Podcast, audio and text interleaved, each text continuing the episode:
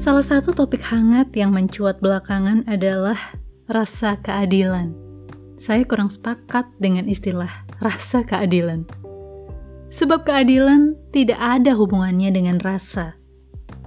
Keadilan seharusnya berpadanan dengan kebenaran, bukan perasaan. Jika pengadilan atau keadilan dikaitkan dengan perasaan, nggak heran jika muncul putusan-putusan yang tak sepatutnya, yang secara penilaian masyarakat awam pun memandangnya sudah tidak masuk akal. Luput dari hukuman karena dinilai sopan, atau pihak yang menegur perbuatan yang salah malah justru dituntut. Mencuri atau merugikan orang banyak dihukum jauh lebih ringan mengingat kedudukannya dan lain sebagainya. Selama subjektif, menggunakan perasaan, hukum mustahil ditegakkan.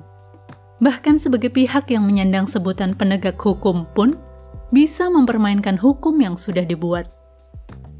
Berdiri menegakkan keadilan memang tidak mudah. Berdiri melawan arus dunia yang terkadang malah cenderung membela yang salah demi sebuah nama toleransi.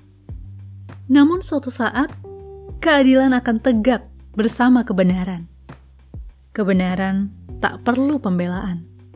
Cepat atau lambat, pasti akan muncul, meski tak seorang pun yang berani berdiri bersamanya.